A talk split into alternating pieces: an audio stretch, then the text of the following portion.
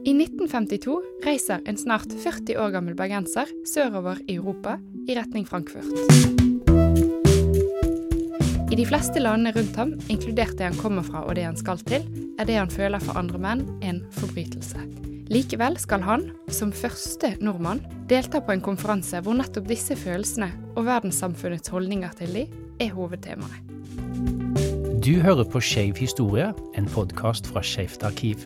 Mitt navn er Bjørn André Vidvei.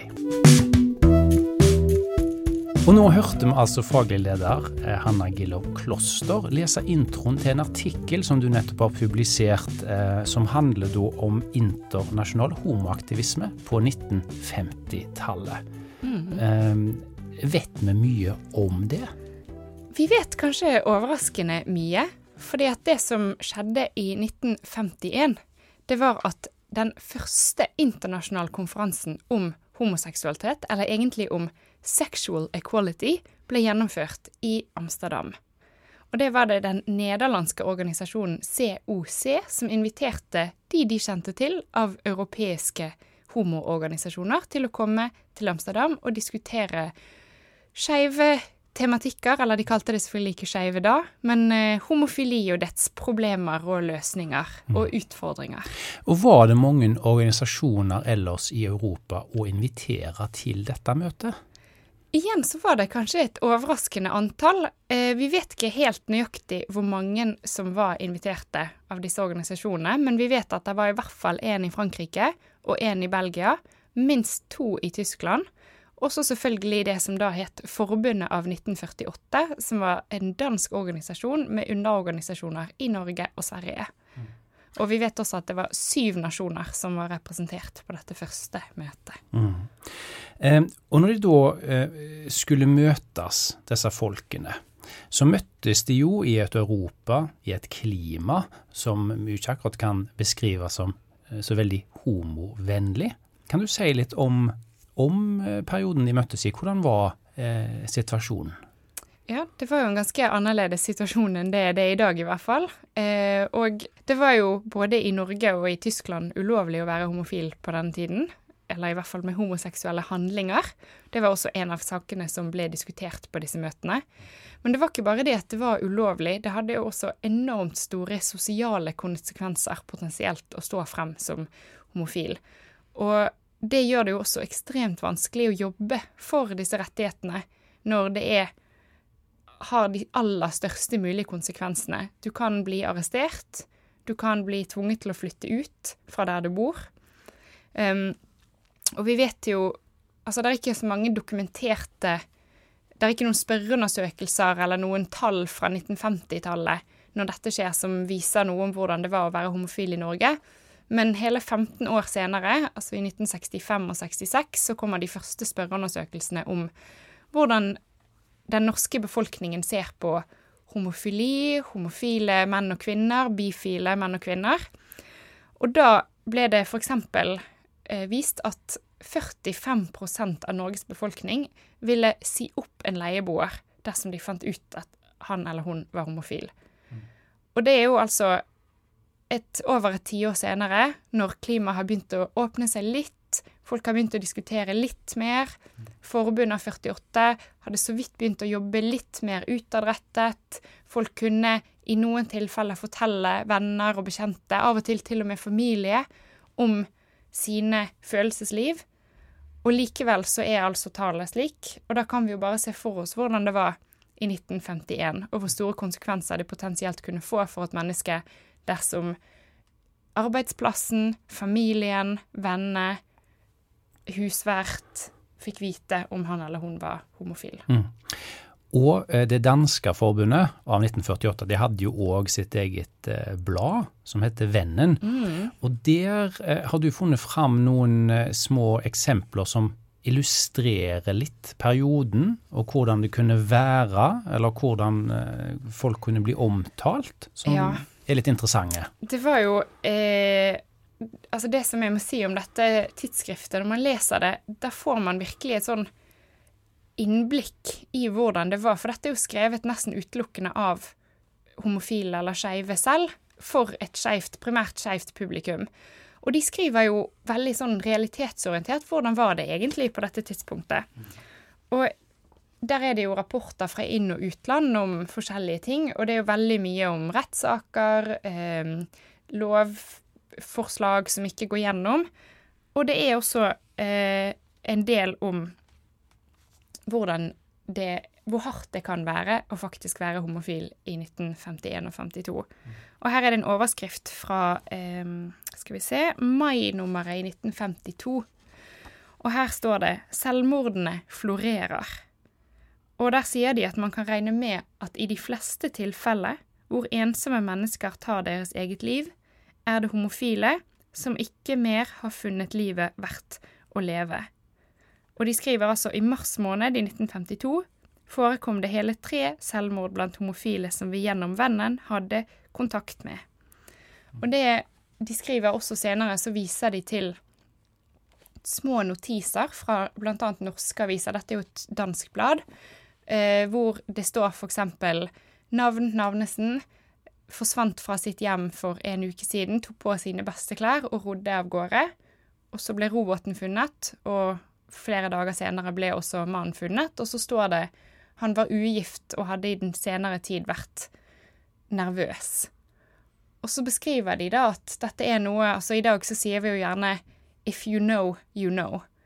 Og det er noe med denne tiden, når man sitter midt i det selv, en homofil person som sitter og er nervøs for at de rundt han skal finne ut at han er homofil, eller hun er homofil, de kjenner dette igjen, dette vesenet som de leser om i denne korte, saklige notisen. De sier 'dette kunne vært meg'.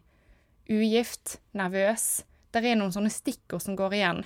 Og det er også noe det, det som gjør at vi ikke kanskje vet så mye om denne tiden. For det som blir rapportert i media, blir på en måte ikke rapportert. Du finner ikke dette i et søk på Nasjonalbiblioteket i norske aviser hvis du søker etter homofili eller homoseksualitet eller sodomi eller andre sånne beskrivelsesord som vi kjenner. Fordi at du må vite for å vite. Mm. Ja. Og da har vi fått en forståelse av klima, litt bakgrunnen eh, rundt eh, dette møtet, denne, dette Europa de levde i. Og på programmet så hadde de da noen helt konkrete ting de ønska å oppnå med denne konferansen. Mm. Eh, vi vet ikke så mye om selve programmet på den første konferansen. Hvilke innledere var det? Det skal vi komme litt tilbake til med de senere konferansene. Men vi vet litt om resultatene som kom ut av den første kongressen. Og det ble omtalt i det sveitsiske homofile tidsskriftet som heter Kreitz, eller Le Cercle. Um, og her publiserte de på forsiden eh, i 1951 et telegram som denne kongressen hadde sammenskrevet og sendt til FN. Uh, og jeg leser uh, det. Considering the principles of the United Nations laid down in the Rights of Man, considering findings of modern psychological, biological, and medical research, considering mankind's greater awareness of social injustice, and as an outcome of the first International Congress for Sexual Equality held at Amsterdam in May 1951, in which seven nations were represented, backed by Professor Alfred Kinsey, Jean Cocteau, and Rom Landau. Members of this Congress request the United Nations to initiate steps towards granting status of human, social, and legal equality to homosexual minorities throughout the world. Ja.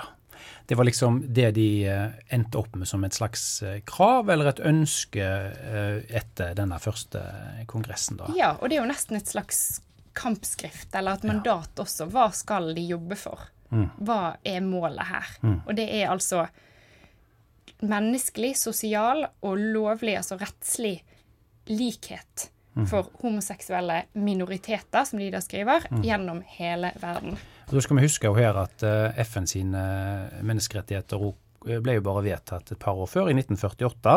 Så det er jo en del av en relativt jeg kan ikke si ny tenkning, men iallfall et mm. nytt lovverk som har kommet på plass, som man da krever ja. å bli en del av. Det er lett å tenke for oss at menneskerettighetene det er jo en selvfølge, en sånn underbyggende grunnstein i verden og hvordan vi alle tenker om mennesker, men det var jo ikke det da. Da var jo det noe helt nytt som hadde kommet i kjølvannet av andre verdenskrig.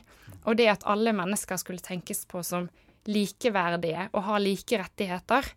Og det er jo litt inn i denne tankegangen dette kommer, en sånn slags bølge av at folk skal begynne å tenke på seg selv som likeverdige, selv om kanskje ikke verden rundt de sier at de er det. Mm. Og så hadde de jo òg da noen få, men kanskje viktige støttespillere som ble nevnt i denne teksten, bl.a. Alfred Kinsey, som, og folk har jo kanskje hørt det navnet før. Ja, det er jo et ganske kjent navn. Jeg selv måtte tenke litt, jeg som selv sitter oppi dette hver eneste dag. Eh, Kinsey er jo Man tenker ofte på Kinsey-rapporten og Kinsey-skalaen, som er to eh, ord som er ganske kjente i dagligtalen. Kinsey-skalaen er jo den som definerer menneskelig seksualitet på en skala fra én til seks, hvor den ene enden er helt heterofil, og den andre enden er helt homofil, og så fins det punkter imellom hvor selvfølgelig midtpunktet da er bifil eller panfil eller alt dette som hvordan man tenker på det. Og så fins det mer heterofil enn homofil og mer homofil enn heterofil. Og Kinsey-rapporten er jo også av de, en av de virkelig store rapportene om menneskelig seksualitet som kom ut rundt denne tiden. Så dette er jo en viktig samtidsfigur, og også en som har blitt stående som en viktig representant rundt nytenkning rundt seksualitet. og å gå litt mer hva skal man si forskningsbasert til verks, istedenfor å snakke om moral og syndighet eller rettslighet. At man tenker på en måte på forskning og vitenskap. Og Så så vi jo Jean Cocteau, en av datidens kulturelle størrelser, òg ga sin støtte til dette. Kanskje en sånn ørliten start på at kjendiser i hermetegn etter hvert skulle hive seg inn og, og, og, og, støtte opp. Ja, det er jo noe vi ser i dag. Det er jo veldig på en måte Kjendiser skal være liksom De skal gi sin støtte til ting de mener, og mm. det Det gjorde jo også han, og det er jo et langt vi er jo kommet langt da fra tidlig eller sent 1800-tall, hvor Oscar Wilde er en mm. kjendis som blir kastet i fengsel for å være homoseksuell. Og da snur på en måte verden seg mot han. Mm. Og da allerede året etterpå så var man i gang med neste eh, utgave. Og det var da denne unge mannen som du eh, leste litt om innledningsvis, eh, deltok fra Norge. Mm. Det er fordi at det som også skjedde i den første kongressen i 1951, var at de organiserte, eller etablerte, en organisasjon som også fikk navnet International Committee of Sexual Equality, også forkortet ICSE. Og da satte de i gang å organisere kongress nummer to i 1952. Og det så lenge ut som det var eh, København, faktisk, og den danske forbundet av 1948 som skulle organisere det, men eh, det blir beskrevet litt syrlig i dette tidsskriftet Vennen i mai 1952 at man har besluttet å utsette kongressen som skulle vært i København i pinsen, og da mann er altså ICC sentralt. Så det er litt usikkert hva som var kilden til denne konflikten, men konflikt var det. Og da ble det altså avholdt i Frankfurt i august og september. Eh, månedsskiftet august-september 1952. Mm. Og der var det da denne Dermot Mack fra Norge deltok, mm. som hadde kom etter hvert til å ha to perioder bak seg som leder av DNF48. Og i arkivet så har vi faktisk et unikt lydbåndopptak som Turid Eikvam gjorde med Dermot Mack i 1984, den gang hun jobba i bladet Løvetann. Jeg er ikke klar over om altså Vi hadde kontakter med en sånn internasjonal organisasjon. ICSA. Den var stiftet primus motor. Det var den hollandske organisasjonen. Og Det var en rekke interessante møter. Og det, og det var virkelig fagfolk. De, det var jo Hollenderne var jo fryktelig flinke, flinke med organisasjonsmessig. Så der var det en rekke møter i Frankfurt to ganger. Mm. Og så sånn i 52 hadde stedet beholdt på universitetet i Frankfurt. Og i Bremen to ganger, i Amsterdam, i Brussel, i Paris. Ja, altså Avvikten stille dør. Ja, så var det i København. Eh, og han eh, var vel ganske diskré eh, i 52 om at han både deltok og hva som kom ut av det, men han skrev om det vel 30 år seinere i en utgave av Løvetann. Ja, det stemmer. Og da fortalte han litt mer i detalj at han hadde reist, og vi vet at han reiste for egen regning, så dette var på en måte ikke noe som det norske forbundet, som det etter hvert ble da, rundt på slutten av 1952 og starten av 1953. Det var ikke noe de eh, betalte for, men han representerte likevel forbundet. Eh, og han, vi vet at han reiste på flere av disse kongressene, både Frankfurt 52, Amsterdam 53, flere senere. Han beskriver i Løvetann mange av disse konfliktene Eller unnskyld, mange av disse kongressene utover 50-tallet, og skriver litt om hva som skjedde etter hvert. Og det som er ganske spennende òg, er at han beskriver programmet på Frankfurt-komiteen i 1952. Da skriver han bl.a. at den danske legen dr. Jarl Wagner Smith var blant foredragsholderne.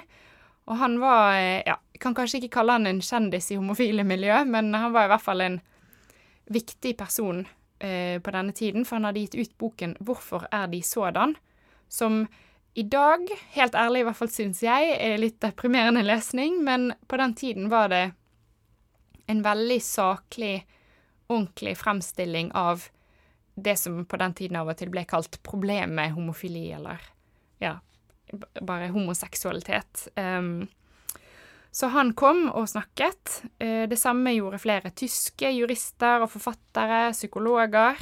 Eh, presidenten for noe, en britisk organisasjon som het The Sex Education Society. Og eh, også eh, en kjent tysk advokat som het Klibanski, som kom og snakket om at det ikke er retten sin oppgave å regulere forholdet mellom Gud og menneske et, for vår tid kanskje et fjernt argument, men i 1952 så ble det utelukkende mottatt som et støttende argument for opphevelsen av straffeforfølgelse av homoseksualitet. Så dette var på en måte det første man måtte gjøre, fjerne denne paragrafen, slik at man etter hvert kunne jobbe åpnere og friere for sosial aksept, eh, beskyttelse mot diskriminering, etter hvert så vet vi selvfølgelig sosiale rettigheter som partnerskap, ekteskap, men det er ganske langt frem i tid på dette tidspunktet. Og avkriminalisering var nummer én på agendaen. Men hvordan gikk det med disse konferansene videre framover? Jo, det gikk jo veldig bra i starten. Uh, og jeg tror uh, Vi får jo ikke høre så mye om det sosiale. De er jo veldig opptatt av å fremstå veldig respektable og jobber for uh, rettigheter og juridisk og psykologisk og sånn, men vi får et lite glimt av, glimt av livet på en sånn konferanse fra derimot Mack i Løvetann eh, når han skriver i 1986, så skriver han de fleste tilreisende var innkvartert på et hotell som het Virvar. Og da mange ikke var klar over at hotellet også huset vanlige gjester, kan man si at det da til en viss grad ble levd opp til hotellets navn. Så man kan jo på en måte se for seg et visst eh, kaos i gangene med sjekking av intetanende heterofile gjester på hotellet. Eh, så man kan jo se for seg at det må ha vært noe helt utrolig nytt å være samlet i et rom. Vi vet at det var 250 deltakere på den kongressen i 1952 i Frankfurt, fra tolv forskjellige land.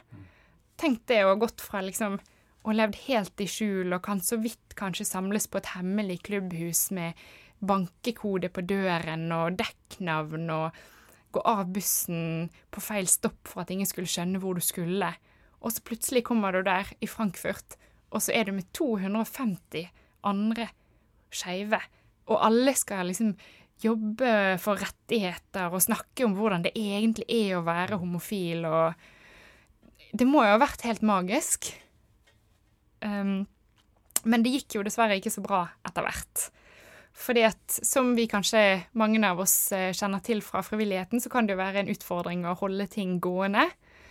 Og det ble etter hvert veldig mye på den nederlandske organisasjonen COC, selv om det eksisterte formelt sett en organisasjon som het ICSE, så ble det i praksis bare en forlengelse av COC, som ble stående med arbeidet for mange av kongressene, medlemsbladet, eh, og hente inn penger, og de skrev også at det er rart med det at når vi skal telle medlemmer for PR-grunner, så har vi enormt mange medlemmer. Men når det kommer til å telle kontingenten, så har vi ikke like mange.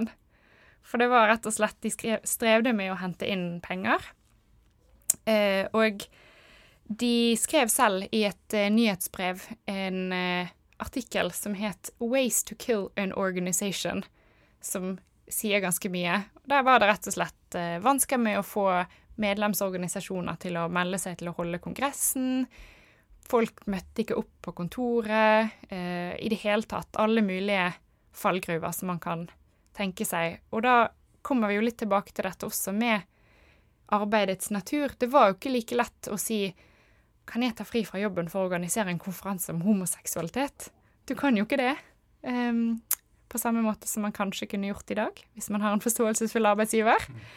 Um, de sier også at uh, sviktende eller stridigheter blant medlemsorganisasjonene var en medvirkende faktor, og vi vet jo at f.eks. i de første årene så ble det ganske store stridigheter i forbundet av 1948, og den norske seksjonen brøt ut, og den svenske seksjonen brøt ut. Og vi kan jo se for oss at det var lignende ting som skjedde også i de franske, tyske, belgiske, etter hvert amerikanske og britiske medlemsorganisasjonene. Det var også en ganske stor tilbakeholdenhet fra å ta lederposisjoner i organisasjonen, og det kan man jo forstå. For da blir man på en måte en skyteskive for noe. Man blir litt mer utsatt. Man skal stå frem og tale en sak, og gjerne stå inne for den, og det gjorde de helt sikkert, men det var jo ikke uten risiko, som vi har vært inne på. Du sa jo innledningsvis her at eh, vi vet ikke så veldig mye, men vi vet litt om denne perioden. Men akkurat i år òg så har jo Skeivt arkiv en satsing på å få tak i litt mer materiale om akkurat eh, denne tiden. Kan du si litt om det òg? Ja. Uh, det er sånn at i år, i 20. mai i år, så er det 70 år siden den første norske homoorganisasjonen ble stiftet. Det var altså Forbundet av 1948, den norske seksjon. Og i den anledning så har vi altså satt fokus på 1950- og 1960-tallet i egentlig alt vårt arbeid. Vi prøver å ha fokus på det når vi samler inn livsminnehistorier, når vi samler inn arkiver, når vi ordner arkiver, og også når vi finner ut hvilke historier vi kan trekke frem fra arkivene og fortelle videre. For det er to tiår som vi ikke vet så mye om, fordi det var jo en enorm diskresjon av det aktivistiske arbeidet som ble gjort, for ikke å snakke om de personlige historiene, som i hvert fall er vanskelig å finne frem til. Uh, så vi håper jo at selvfølgelig andre kan hjelpe oss å finne frem til disse historiene, for det er jo sånn at vi i Skeivt arkiv er jo ingenting uten de som har skapt historien, og som kan viderefortelle den til oss. Så vi tar imot både fysiske og mentale minner, skal vi si det sånn? Vi har ja, fremdeles god plass? Det har vi absolutt. Takk skal du ha. Du har hørt eh, faglig leder i Skeivt arkiv, Hanna Gillow Kloster, fortelle om homoaktivisme på 50-tallet. Mitt navn er Bjørn André Vidvei. Takk for at du hører på Skeiv historie, en podkast fra Skeivt arkiv.